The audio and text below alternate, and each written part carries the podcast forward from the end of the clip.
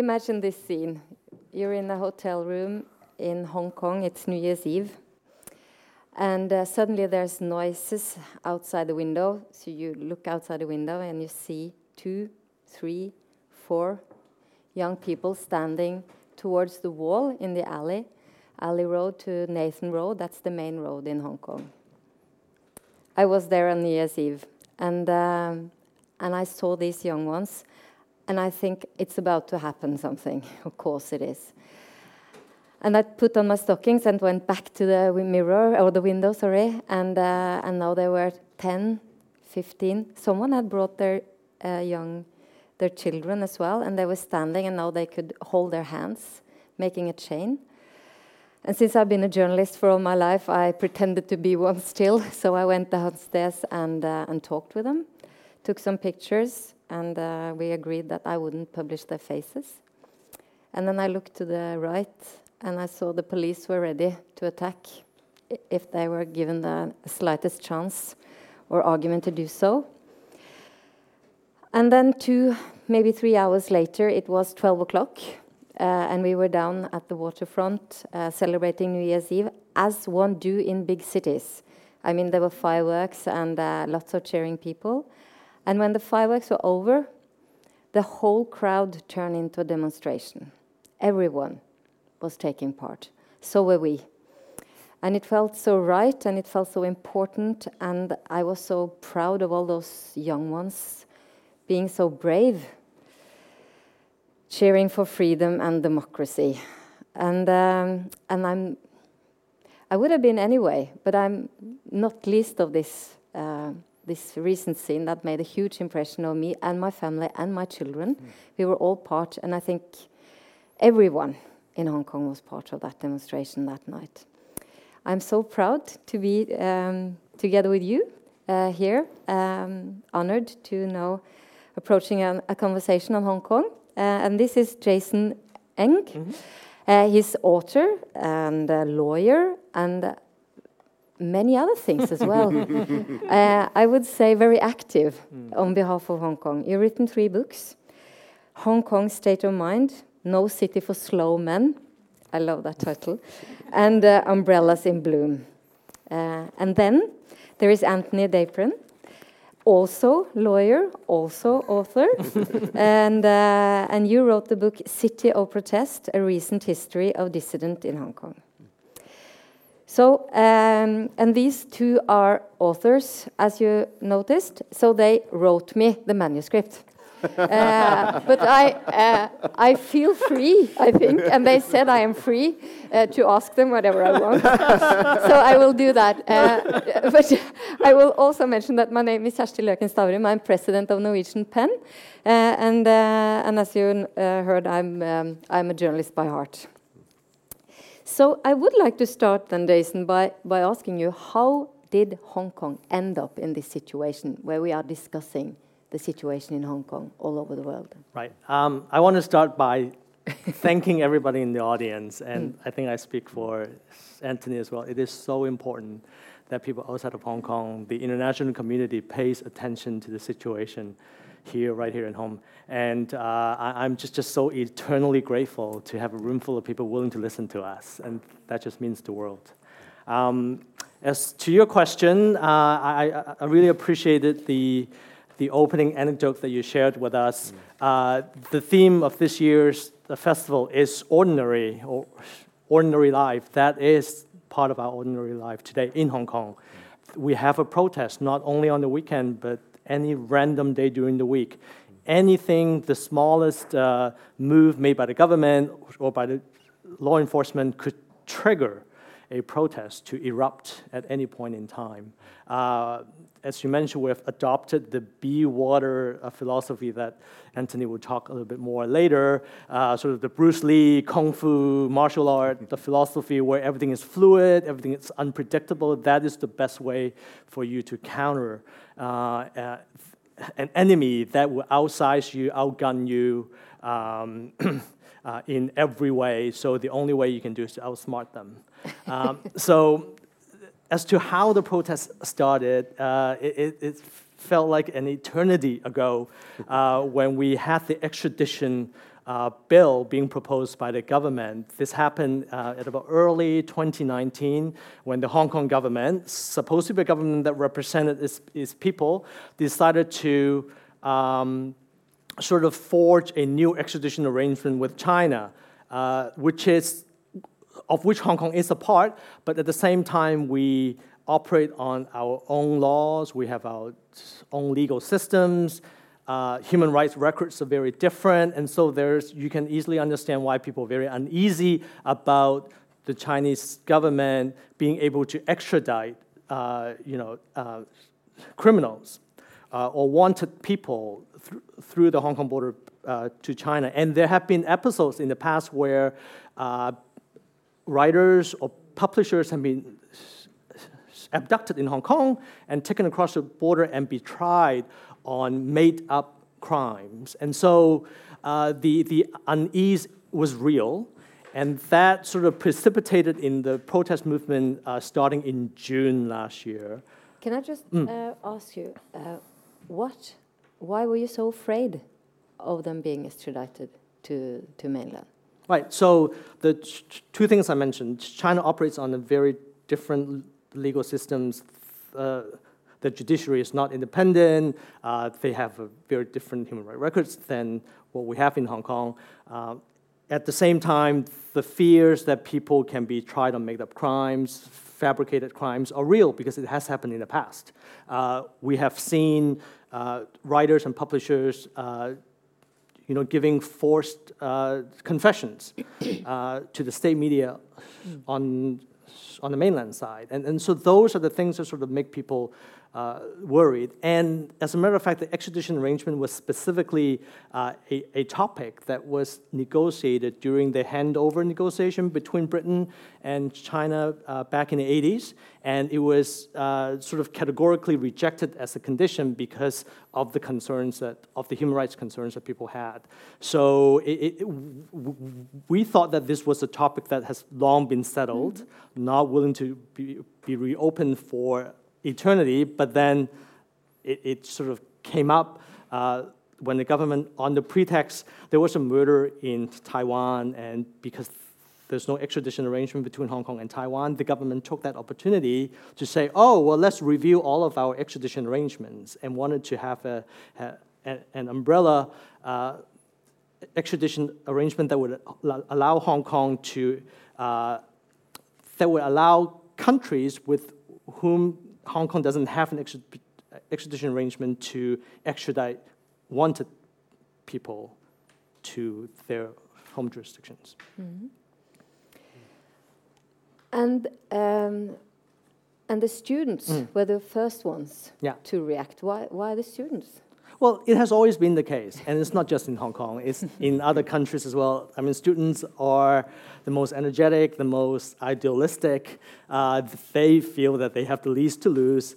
Uh, they don't have uh, family obligations. They have all the time in the world. And at, at the same time, they're also right. the most uh, creative. I mean, they can come up ways uh, to protest that people have never seen before. Um, and so most movements in the world are, uh, are they originated in university campuses, and it was the same for Hong Kong. And it was I, the I, same. I, yeah. get, I, I, get that, but but still, I think that, uh, or um, maybe imagine that they would be more afraid of the future in a in a society uh, as Hong Kong, if you are part of a right, protest. right, yeah, right. Yeah. So the that um, there's the element that the future belongs to them and so they have the most to lose. They have the most at stake. Uh, maybe people in our generation we've already sort of you know built our life and and, uh, and we're living off the dividends of our work. Um, but then these are the people who are just you know starting out, who are getting educated at universities and you know coming out to find jobs, and, and so they want to preserve the kind of Hong Kong that they thought they deserved or they thought they wanted. And these were not the first protests. Like you, you, you wrote the book yeah. before 2019 on the City Hall protest, right? Yeah, that, that's right. I think that's a common misconception for people looking at Hong Kong from the outside was that these protests, whether the ones over the last six months or the ones going back five years to the umbrella movement, in 2014 were, were the only examples of protest in Hong Kong. But actually, Hong Kong's had a very long history of protest and also a long history of protest that has been successful, um, which is also an important aspect of it. Um, going back 50 years to 1966 and 1967, there were uh, two series of protests. In 1966, people were protesting an increase in public transportation fares, on the, the ferry fares in particular, which led to some violent clashes with police then. And then in 1967, the protests were led mostly by Maoists, sort of as an offshoot of the Cultural Revolution that was happening in, in, in, China at the time. But what was the spark that prompted those protests was um, poor employment laws and poor labor rights in Hong Kong. And so initially it was a protest against a lack of labor rights and, and sort of a lack of social welfare policy. So in the wake of those protests, the, the British colonial government at the time actually introduced a lot of reforms around labor rights, social welfare, housing and education um, in reaction to the discontent that those protests sort of revealed. Uh, Who were the ones in the core of the protests at that time? Uh, again, it was, it was young people. In, in, in 1966, it was started by a, a young man single handedly who, who, who, started out as a, a hunger strike against the, the, ferry increase, and then other youngsters joined him. Uh, in 1967, it was led mostly by people who were students at so called leftist schools, so Chinese Communist Party sponsored schools in Hong Kong, uh, who were, were helping alongside the, the, the, protesting workers in the, in the trade unions at the time. So again, it, it, it was young people. Um, but then going through into even the, the, the post handover era after 1997, um, there were again a, a, series of protests, many of which were successful. One strikingly similar to the one we had just last year was in 2003, where again the government had proposed a law that was very unpopular. They were going to introduce a law that outlawed um, subversion and sedition against the mainland government in Hong Kong. Um, and again, hundreds of thousands turned out onto the streets in protest, and the government withdrew that law in the end. So, uh, very similar to the situation we had last year. Um, and 2012, there was a, a, proposal for the government to introduce a compulsory moral and national education curriculum into Hong Kong schools, which many saw as sort of an attempt to brainwash the younger generation of, of Hong Kong youth. Um, and that was eventually successfully overturned by, by a, a, protest movement led by Joshua Wong, who's someone that uh, Jason's been Yeah, we need to speak with. about Joshua Wong. yes. But le let's, let's save him for later. Sure. Yeah. yeah. But um, But the umbrella movement, then. Yes. Um, can you take us through that one and the, the, the dif differences, similarities with what sure. we see now? Uh, Jason wrote a book about the umbrella movement. Yeah, right. Sort of talk uh, about well, that. Yeah. why don't I start and then you can yeah. chime sure, in? Sure, Why not? yeah. Uh, the umbrella movement, I think all of you have heard of it at least, and it was widely reported in Norway uh, five, six years ago. Um, it, it, it, was the first um, political movement of that scale, because it involved nearly half the population.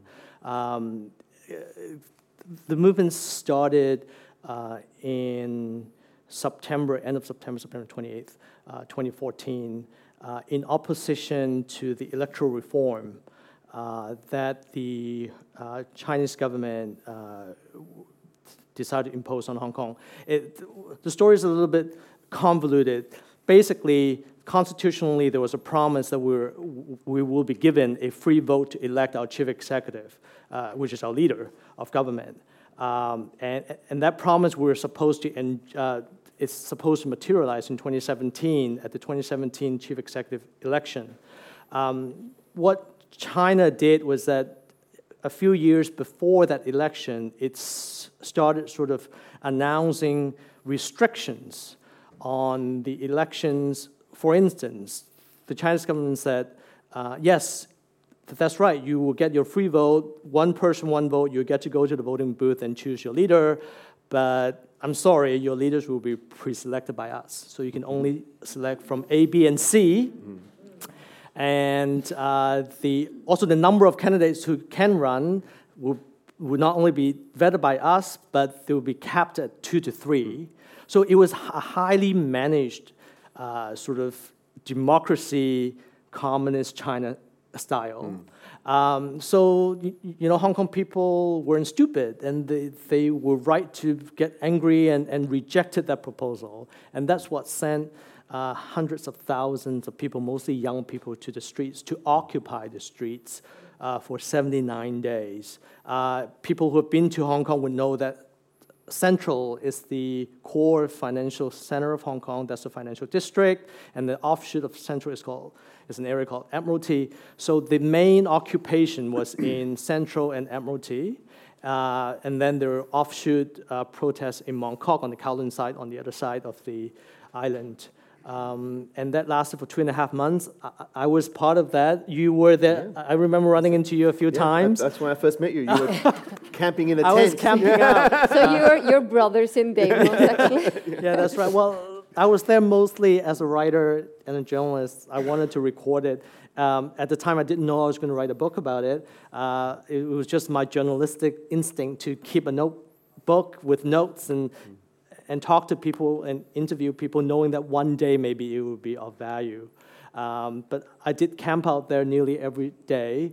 Um, I volunteer as, as, a, um, as a teacher uh, because people were camping out on the streets. They couldn't go to class, and, and, and we wanted to keep the education going. So there, and I was by no means the only volunteer teacher. There were many, many other uh, volunteers in different subjects in on the streets you can learn German, French, uh, Danish, Korean, Japanese, maybe while, even while Norwegian. maybe even Norwegian. While demonstrating. While demonstrating. Great um, concept. All you have to do is to go to the whiteboard. They will post the, the, the subject matter of the lesson, and then the tutor who's teaching it, and the time, and you just show up and you learn something. Great. And yeah. Why did you yeah. take part in the demonstration at that time? Well, I was, uh, I was living uh, two blocks away from where it was all happening, and, and I was working in Central. So my commute to work went from being, a, you know, a trudge through a shopping mall to being a stroll through this camp that had grown up on that side. And what was really uh, amazing about it was that it was this this really unique cultural space. Um, there were, of course, all the tents, the tents, and people sort of living there and camping on the streets, but also artwork, you know, posters, um, banners, this thing called the Lennon Wall, you may have heard of, which was a, a wall that had many signs with little yellow or multicolored post it notes where people would post messages. Um, and there were, as Jason was saying, lectures, but also performances. Um, every night, the protest leaders would give speeches. Sometimes there were movies screened. And so it was this wonderful sort of living cultural mm. space. Um, and so I would visit every day um, on the way from work, on, on the way to work, um, and then on the weekend, spending time down there. It was, it was just a, a, a really alive place and, and, a very culturally active and right. exciting place to be. And then I was writing about that as but well. But at the same time, that also became a trap mm. because people developed some sort of nostalgia. Mm. They needed to extend that sense of community indefinitely, mm. almost at the expense of the political goals that they were trying to reach. And, and that was one of the biggest uh, critique of the movement. And then people, that, that, that people sort of started to lose sight of, of what was important. Um, yeah. So yeah. did it burn out, so to say, uh, the, the, demonstration as yeah, such? Well, after 79 days, public opinion start to tip the other side. You know, people have had enough. People felt, well, if, if you're there merely for the sake of being there, uh, and it's a total impasse, neither side is going to give, and there's no new ideas to how to break the impasse, then I think you should pack up and mm-hmm. maybe re-strategize mm-hmm. and come back some other time. But extending this indefinitely is not the answer. Did it change anything?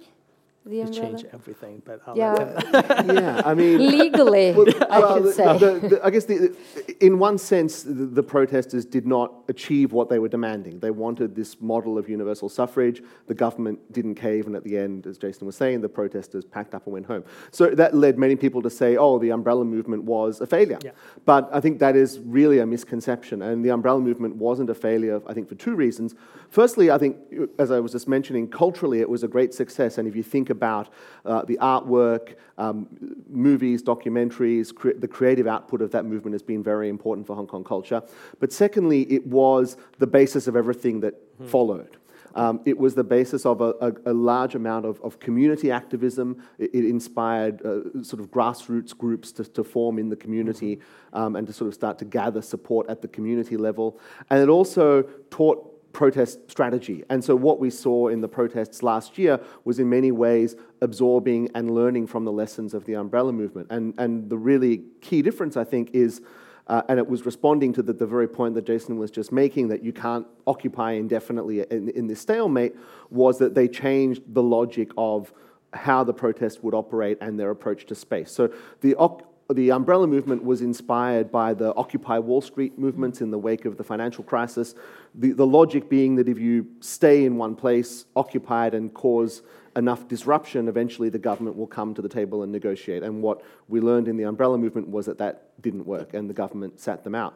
So last year, instead of having this occupation logic, there was a new philosophy that, that Jason just mentioned earlier, the be water philosophy, um, inspired uh, by. Explained uh, be water. Oh, yeah. So I mean, um, just so everyone gets what you're yeah, talking sure. about. Yeah. So be water, as, as Jason mentioned, is inspired by Bruce Lee, the kung fu, the kung fu movie star.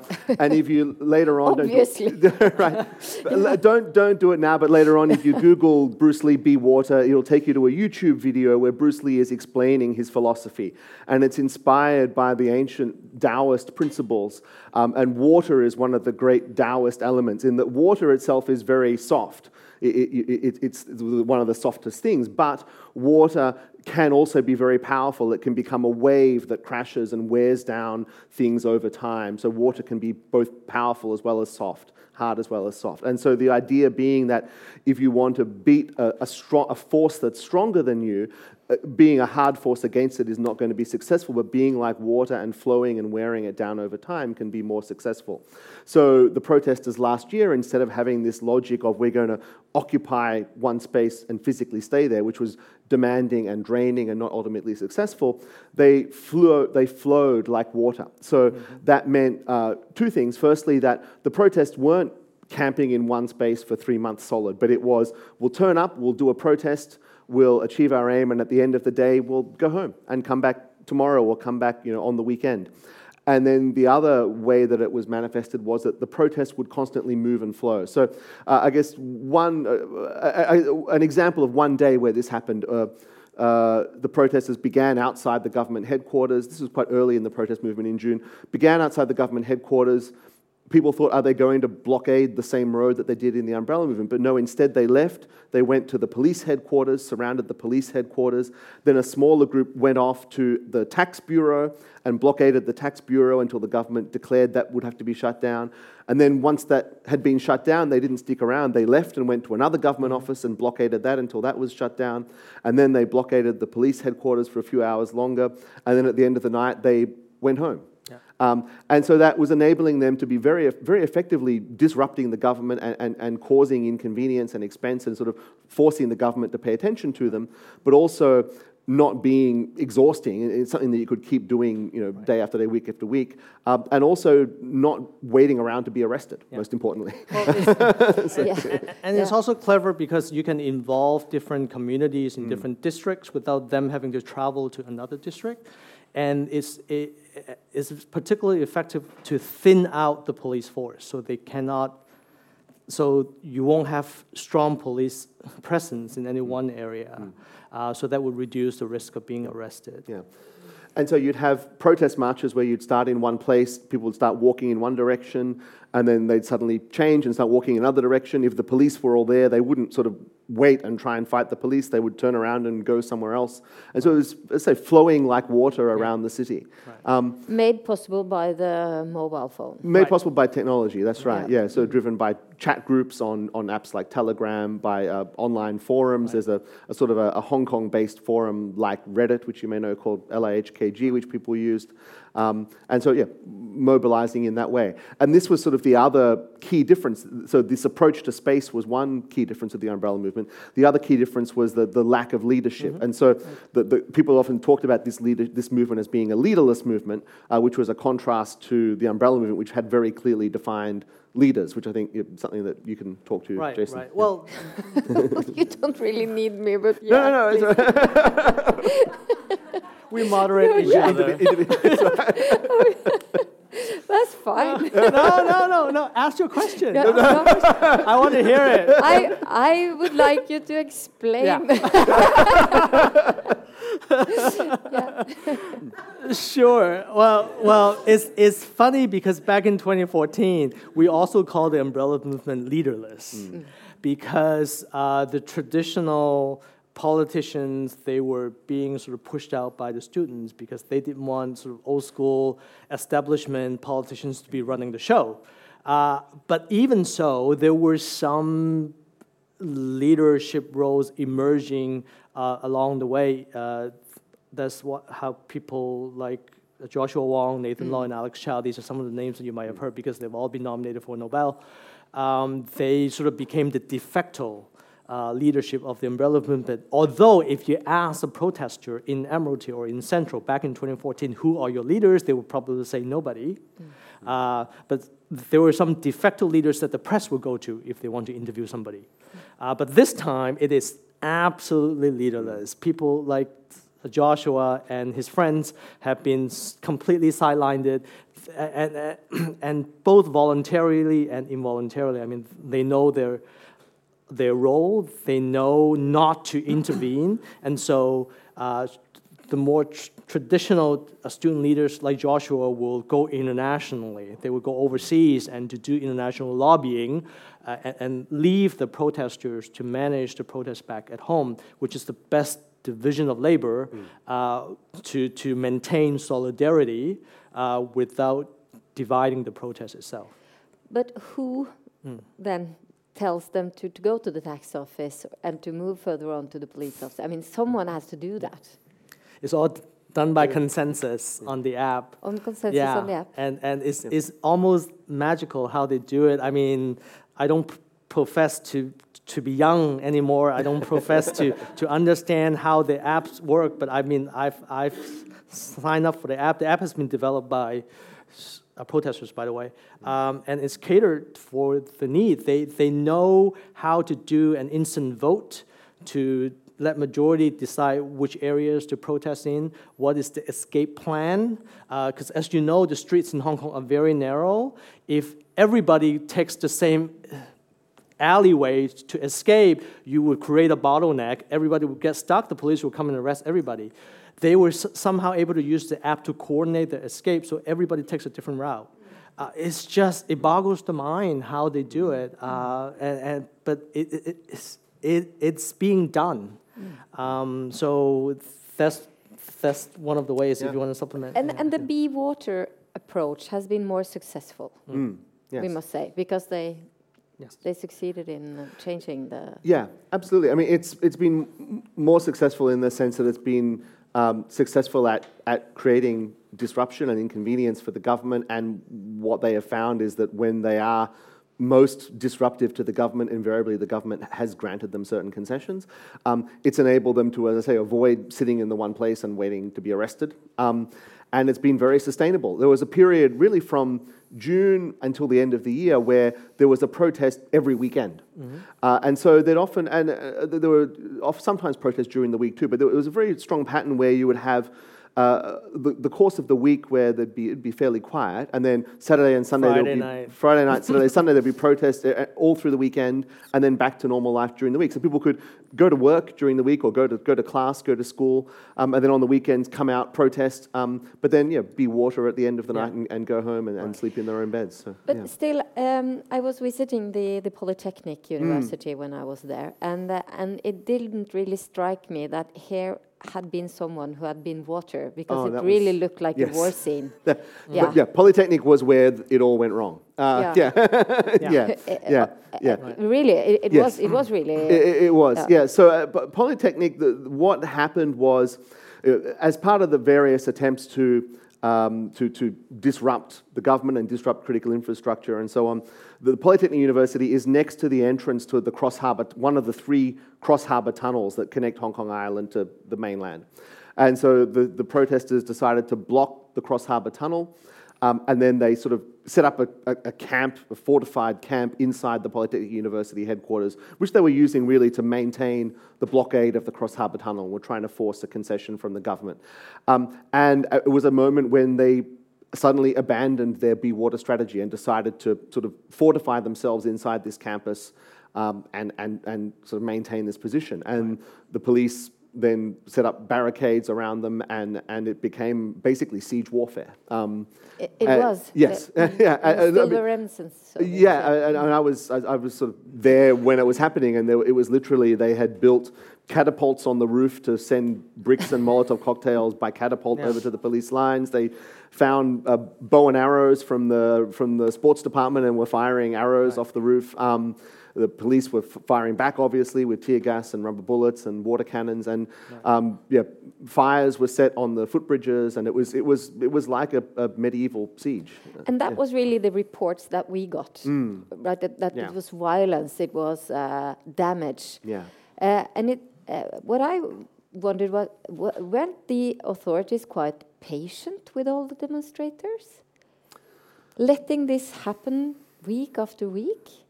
I, Right. I couldn't imagine that Well, would happen in Bergen. I mean, every weekend we just uh, have some catapults from the university and throwing bricks. Uh, I think they would have done something with it.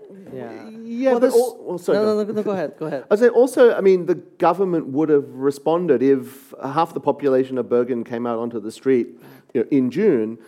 You would think that the government would have some kind of response to that rather than what Hong Kong faced was a million people on one Sunday. The government said, we're just going to ignore you and go ahead. Two million people the following week. The government still basically didn't budge. And then again, hundreds of thousands week after week, and the government doing nothing. And then that it was six months of that that led to the moment at Polytechnic University. Um, And, So, and yeah. the so-called restraint that you were referring to was not done out of mercy or compassion.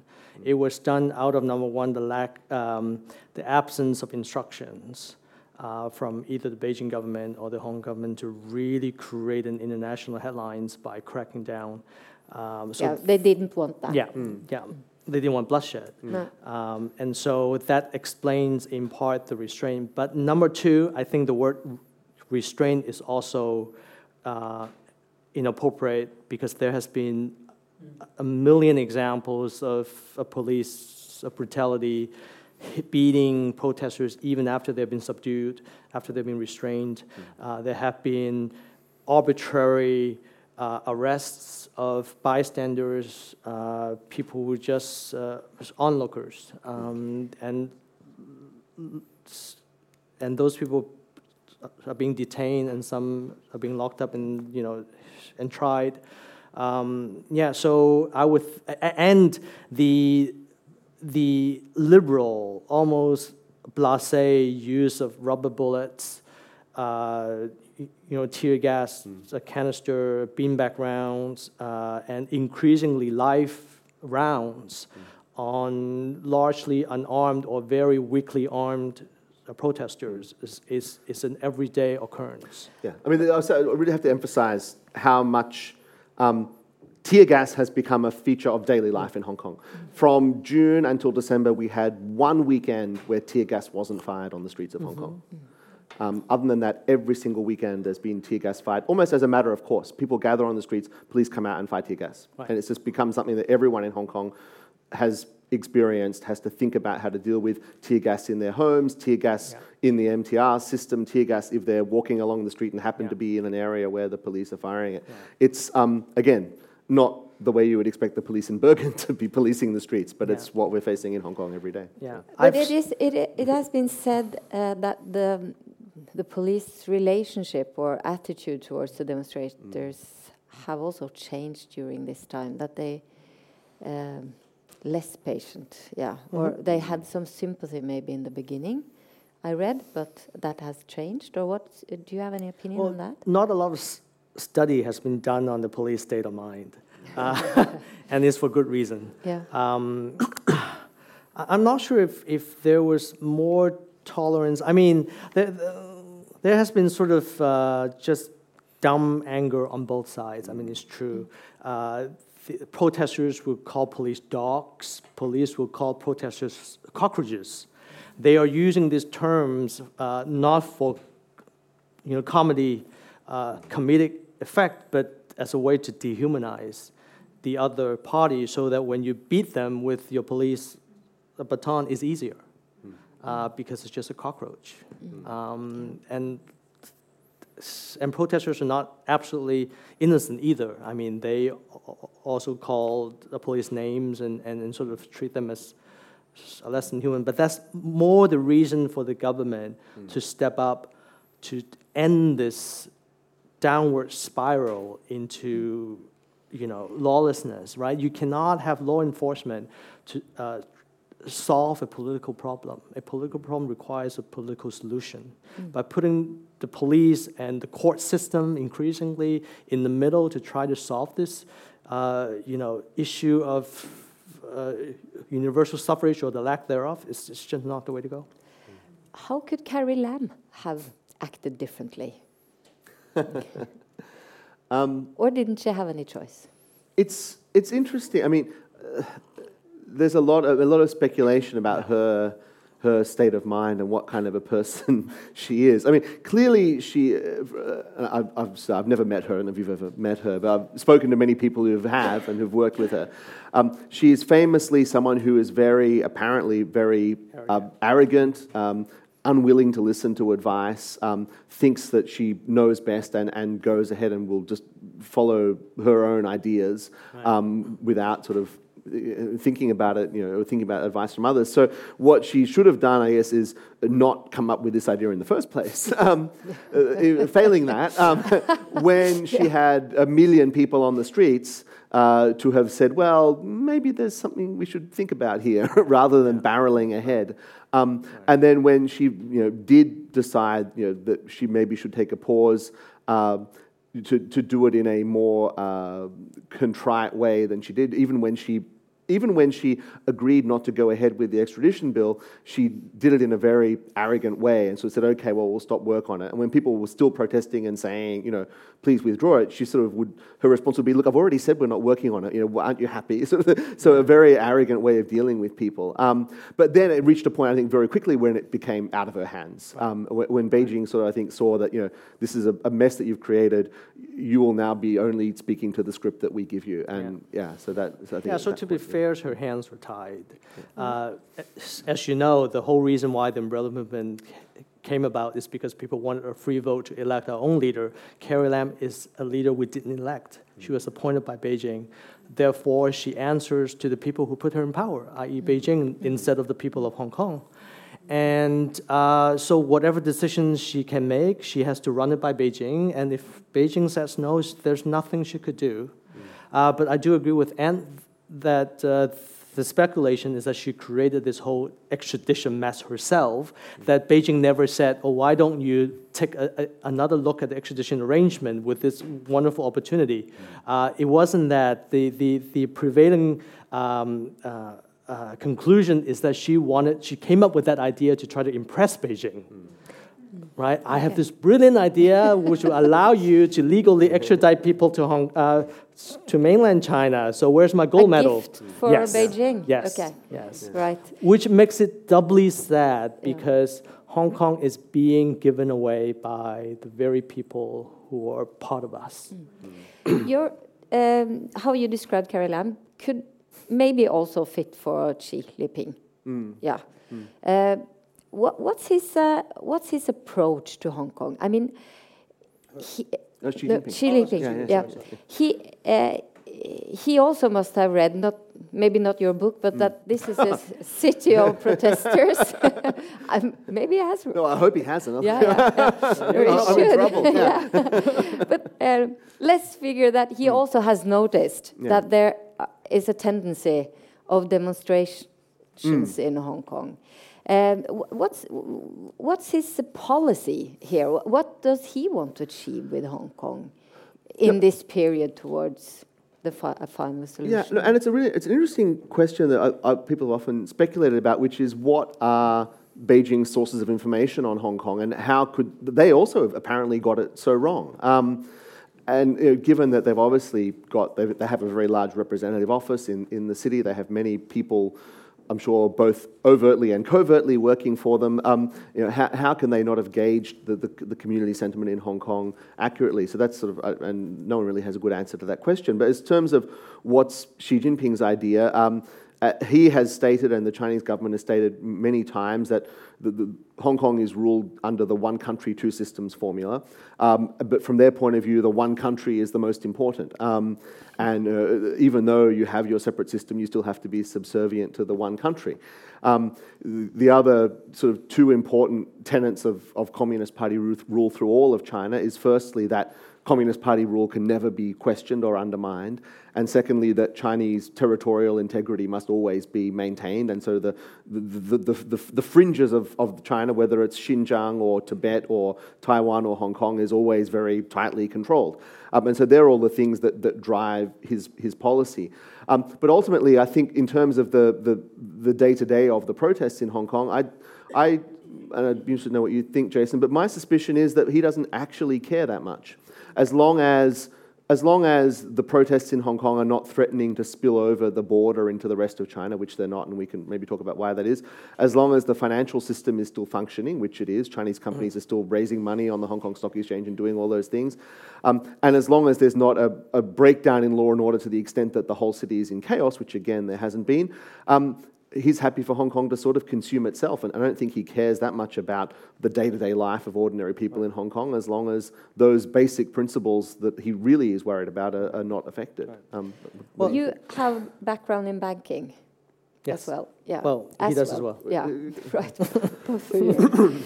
Uh, uh, how important is, the, is it uh, for China that the Hong Kong economy works well? Or isn't that so important for them? Well, with, with the emergence of Shanghai, Beijing, and Shenzhen, as sort of big metropolises uh, that are commercial hubs in that part of the world, Hong Kong's relative importance has diminished. Mm. It's, it's true.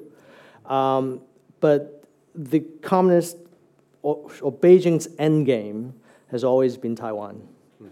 They, there is a national obsession or a party obsession ever since 1949 that they want territorial integrity. They want to reu reunify with Taiwan, and that has been their obsession. Uh, and the whole, in my opinion, the only reason why they care about Hong Kong is because they want to hold up Hong Kong as a poster child of one country, two systems, and say, hey, Taiwanese people look at Hong Kong, it's so successful. Why don't you accept one country, two systems for Taiwan as well and rejoin the motherland? That's why Hong Kong still has sort of this importance uh, to China. I, I think Hong Kong is important financially because a lot of American or European business would come and set up an office in Hong Kong as an entry point to China. But even that is increasingly less popular. A lot of companies will skip Hong Kong and go straight to Shanghai these days. Um, so really, the importance is a political, is a diplomatic one, is, is to lure Taiwan to unite with China.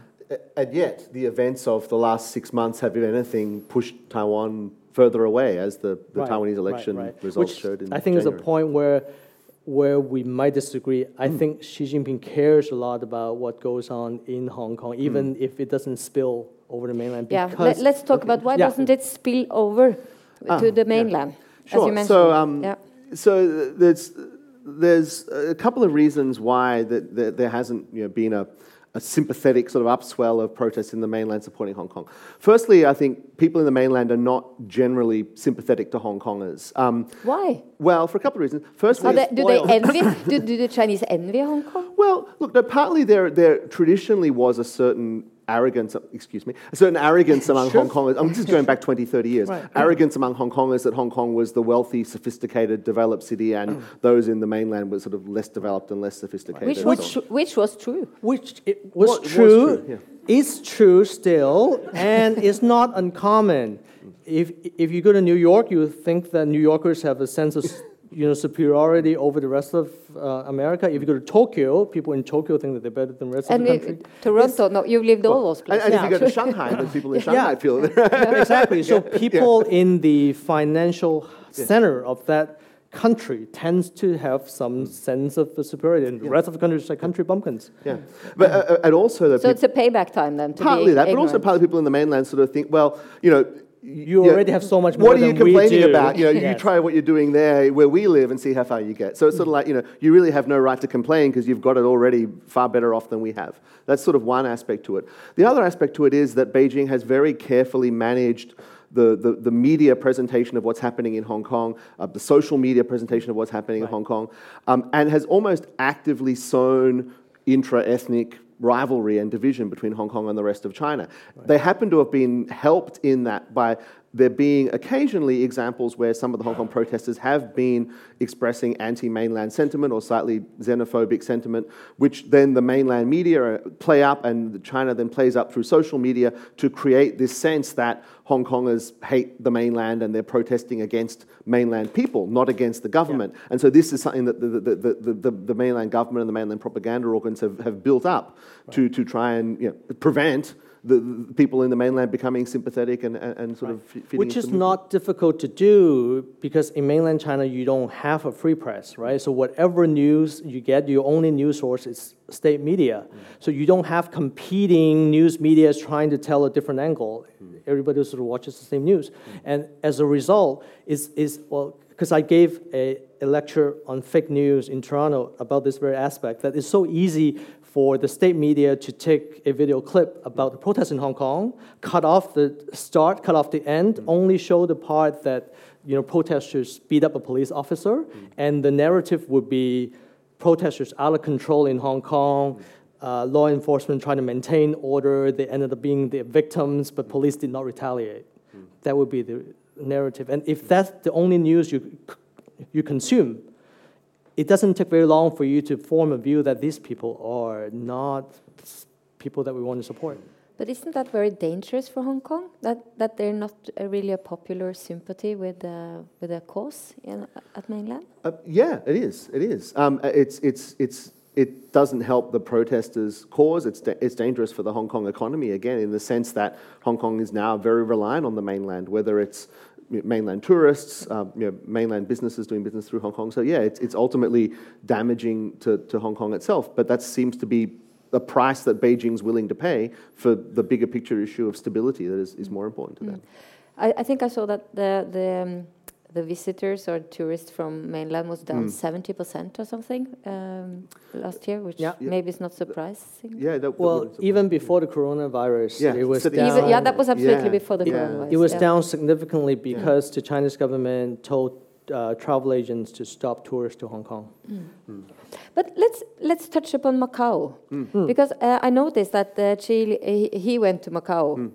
and held it up as a Yeah, I mean praise Macau. yeah, why don't you do like Macau? yeah, yeah, yeah. one uh, country, two two Right. systems. Do you guys know where Macau is? It's, it's this tiny former Portuguese c- colony, uh, very close to Hong Kong, accessible by ferry now, by bridge also. Uh, at the same known time. for the casinos. Yeah. And so it's kind of the Las Vegas of the East. Uh, population uh, about 600,000, 10% of Hong Kong. Yeah. Uh, but it al- also operates under the one country, two systems formula. Yeah. So. yeah. So why why uh, why do they behave Well, better yeah, well, a couple of. I, I from think- a Beijing perspective? Well, I think the reasons are all lying underneath the factors that Jason just mentioned. So, firstly, they were a Portuguese colony, not a British colony, so a very different, different experience of colonialism and different traditions. That I, I think that, that you know. More I, I don't, I don't want to compare colonialisms and sort of talk about good and bad colonialism. It's not a discussion. the- not a discussion I want to get into. But I'd say different, exper- different traditions, different experience of colonialism. A much smaller population, so only six hundred thousand people, um, and they ha- and a population that have genuinely benefited from the casino industry and, and the, the huge amount of money flowing in from the mainland into the casino industry that has made, I think, s- standard of living and everyday life for the population there much better. So they can genuinely feel that, oh, yes, life now is much better than it was 10 years ago. Um, and they don't have grievances as such, whereas there's a different dynamic in Hong Kong and also a different, you know, different tradition and different But the most important factor is what Antony said earlier, which is the lack of the critical mass. They, they, it's just very, very difficult for any sort of pro-democracy movement to uh, coalesce if, if you don't have a critical mass of people doing it. But but still, uh, he um, Xi goes to Macau and hold it up as a Yeah. I mean, as an example for you. Uh, it, isn't that ridiculous for you then? I mean, for Hong Kong people to see they know what Macau yeah, is. well, it's not. to- They're not convinced. Yeah, I mean, Yeah, right. Even when Yeah. the, the mainland's talking about setting up a Macau stock exchange to sort of, you know, as a potential threat to the Hong Kong Yeah. stock exchange, I don't think Yeah. anyone ta- Yeah. takes it seriously. Yeah. Um, yeah. So Yeah, well, Macau is looked upon as a friendly neighbor, but not a rival. Uh, we, we definitely don't want, want Hong Kong to be a single industry, casino driven economy. Uh, because mainland. But we have the stock market and the property market, which That's you know, true, maybe- that's true, that's true. That's, Same thing. that's a different discussion. not the casinos. then, yeah. But mainland uh, tourism dollar, I think, uh, accounts for at least 75% of the GDP. Uh, and, and now with the coronavirus, they're shutting down all casinos for two weeks. Uh, and that would decimate the e- local economy. And so the, the government needed to use its reserve to, you know, to But that shows the vulnerability Yeah. of, of Macau. We have time for questions. Yeah, Salil, please. Fascinating, absolutely fascinating. I was I think there's a microphone coming over. Oh. Yeah, Yeah, well, well, we can hear him. But. yeah, but I think Ah, there's ah, streaming. So okay, sorry. yeah. Yeah, no, that was very, very fascinating. Quick question. You mentioned universal suffrage. To what end? Is the end result an elected mayor or is the end result a democracy and independence? Because that's Okay. the a question Okay. always at the back of this conversation. Yeah. And which also brings the larger question of what does Xi Jinping think about it and how the Taiwan argument pulled us. I know it's a layered question, hmm. but what exactly do they want? And the related to that is the fact that all the students, I mean, they were not even born in 1997, right? Hmm. And a lot of the police that I saw, I was there in, in September and then in November, when, like you, I marched with the students and Mm. all of that. Thank you. And my question would be, to what extent, I mean, they're, they're, they're all talking about, you know, a decision made on their behalf by Mrs. Thatcher, Yeah, Deng yeah. Xiaoping. Yeah. They had no control over it. They don't, they also probably don't feel as wedded to the one country, two systems. Like, there are two, two countries, two systems, two culture. Hmm.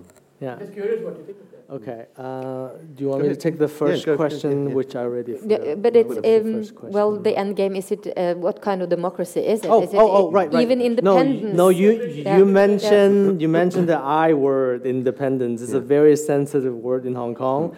Uh, it's it's Here in Norway. yeah right. Uh, well, not here. It was mentioned at the opening speech a few times. Um, very sensitive word in Hong Kong. There are a subset, there is a subset of protesters who do advocate for independence, but they are very marginal. We're talking about less than 5%. People understand that independence is a very sensitive topic. It, it is a hot button issue for China. We don't want to go there. We are not fighting for additional benefits, additional things. What we're fighting for is the status quo. We want to protect and defend what we have. Part of the anger is because of the erosion of freedoms that was constitutionally guaranteed. We just want to have that. Ultimately, Hong Kong people are very simple. We just want to be left alone.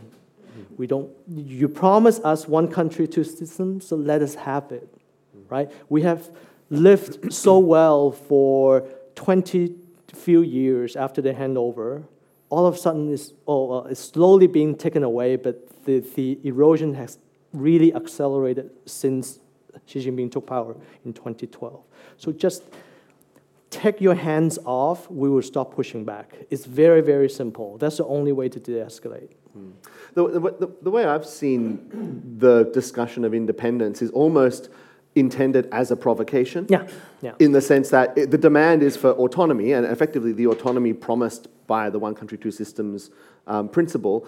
Um, but by asking for independence, that is sort of a, a provocation to, to get towards autonomy. And I've, I've, I've heard some of the pro independence activists say words to the effect of, well, if we can't have proper autonomy, we may as well ask for independence. But it doesn't seem to be what they genuinely want. Or there's a bit of how a Chinese person will bargain at the market. Right. How much is the fish? Twenty-five dollars, but I actually expect to pay fifteen. Ten But. I asked for Ten twenty-five. for that, you Yes. must be mad. Yes. Yeah. Yeah. Mm, okay. Yeah. So to answer the first part of your question, the universal suffrage, there's actually sort of two layers. So the first is universal suffrage for the, the chief executive, who is the equivalent of the mayor or the governor of Hong Kong, um, who has great executive power to run the government in Hong Kong. That's sort of the first aim. The second aim, which is a bit more complicated and subtle, but is that we have a, a, a parliament in Hong Kong called the Legislative Council that, that passes all the laws. That is currently effectively rigged by Beijing so that even though pro democracy candidates always win a majority of the popular vote, they always end up with less seats and the pro-Beijing parties always win a, win a majority of seats because of the way the electoral system is structured, which I won't go into because it's complicated. But the second part of the demand is getting rid of that gerrymander so that the, the Legislative Council is genuinely a, a, sort of one person, one vote, leading to seats that are properly representative of the community. And so that they're, they're sort of the two things that people but have been would that asking be for. status quo, or would that be better than there ever Well, been in Hong Kong? All those things are written, written in our constitution. Hmm. That Hong Kong will eventually, I think that's the word, is it? I think eventually is the word. Yes, will eventually have. The ultimate aim. I think. ultimate goal aim. is Ulti- yeah, for yeah. Hong Kong to have universal suffrage in the selection of the chief executive as well as the election of all members of the legislative council. But was it like that under the British colonies? No, Right. no. Because I, I, I saw in South China Morning Post, Mm. where you also write, Yeah. yeah, um, that they argued that, well, let's remember that there's more democracy now Yeah. than there has been Right. before. Right. Isn't that the paradox? It's, it's a brilliant question. Thank you for asking. I get asked It that question not- every time. I just want to no, mention it no, was but not I want to hear the your manu- answer first. Oh, hear my answer. Okay. but it was not in the manuscript. No, it's That's not. It's important not. This for is, me you're, to say. you're veering off the script. Yes, Yeah. I mean, yes. no, people often play, you know, sort of uh, present this argument as if it's some kind of trump card. Um, uh, there's no re- uh, from, my, from my point of view, it's completely irrelevant what the British did. There's no reason why, you know, because it was this way under the British, you know, now already more than 20 years ago, 30, 40 years ago, that things can't change. And from my point of view, this sort of the basic law promises, you know, 50 years without change in Hong Kong. What society or governance doesn't change for 50 years? That's more of a curse than a promise, from my point of view. You know, we had, if you go back to, you know. A few decades ago in the US, you still had, you know, you still have today, but you know, the, the sort of the segregation in the US. So, you know, societies have to change and have to be able to evolve, and people are entitled to rights and freedoms. Um, and so, just because the British didn't give it to Hong Kong 30, 40, 50 years ago, what does that have to do with what Hong Kong people are entitled to today? Um, and then the, the other sort of side argument was that, you know, some reports say that Britain wanted to give Hong Kong universal suffrage, but the Chinese said if you do that, we'll invade in the Yeah. 60s. So that's Yeah. sort of a separate issue. But I don't know, what's your answer Well, to that question? My answer is twofold. Number one, um, the right to elect your own government, your own representatives, is written in the United Nations covenants. Uh, China is a party to that covenant, um, even though they haven't ratified it. Um, they are therefore fundamental rights. I don't need to justify why I want food and air. I don't need to explain to you. It's everybody. They it's it's a birthright. Okay. So my, the second way to answer that question is if that's the mindset, society will never evolve. Mm. People often forget. They look at South Korea, they look at Taiwan, modern democracy. What they didn't know, the first democratic election in South Korea was held in 1987. It wasn't far, it wasn't that long ago. Mm. Can you imagine telling a South Korea today, why do you want to have the right to elect your president? Back in 87, you didn't have that right. Mm. Same thing for Taiwan. Taiwan did not have the right, Taiwanese people did not have the right to elect their president until 1996, the year before the Hong Kong handover. So it wasn't that long ago when these modern democracies in Asia that is currently held up as success stories used to be a dictatorship. Yeah, well, we have the same thing in Europe, right? I mean, Yeah. you know, all of the Eastern Bloc. You know, the Soviet Yeah. Union didn't give you democracy. What do you want it now for? Yeah. You know? We're about to wrap up, but I, allow me to ask you a, a completely different Okay. question because uh, your father, Yeah. he's an illustrator. Yes. Right. And he also illustrates some of your books. Yes. Yeah. And uh, in Denmark, we recently had uh, a newspaper Mm-hmm. that had this cartoon, uh, you know. Well, with the uh, with viruses. Yes, Yeah. with the virus. Yeah. And uh, the Chinese embassy opposed to that. Yeah. So we engaged. Do you have any advice in that matter? advice to the Chinese government or to the Danish government? Maybe for us, how to deal uh, with um, how should we deal with these uh, Well, uh, quite uh, frequent protests Yeah. from uh, from the Chinese embassy, Right. Sweden, Denmark, Norway. I don't profess to be in a uh, in a position to offer any advice, uh, you know, to you guys. Uh, but if I were to tell you what I would do, is that Please. even if it happened in Denmark, it didn't happen to a Norwegian paper. Even if it happened to Denmark, you have to stand with them, because it's Denmark today, Norway tomorrow.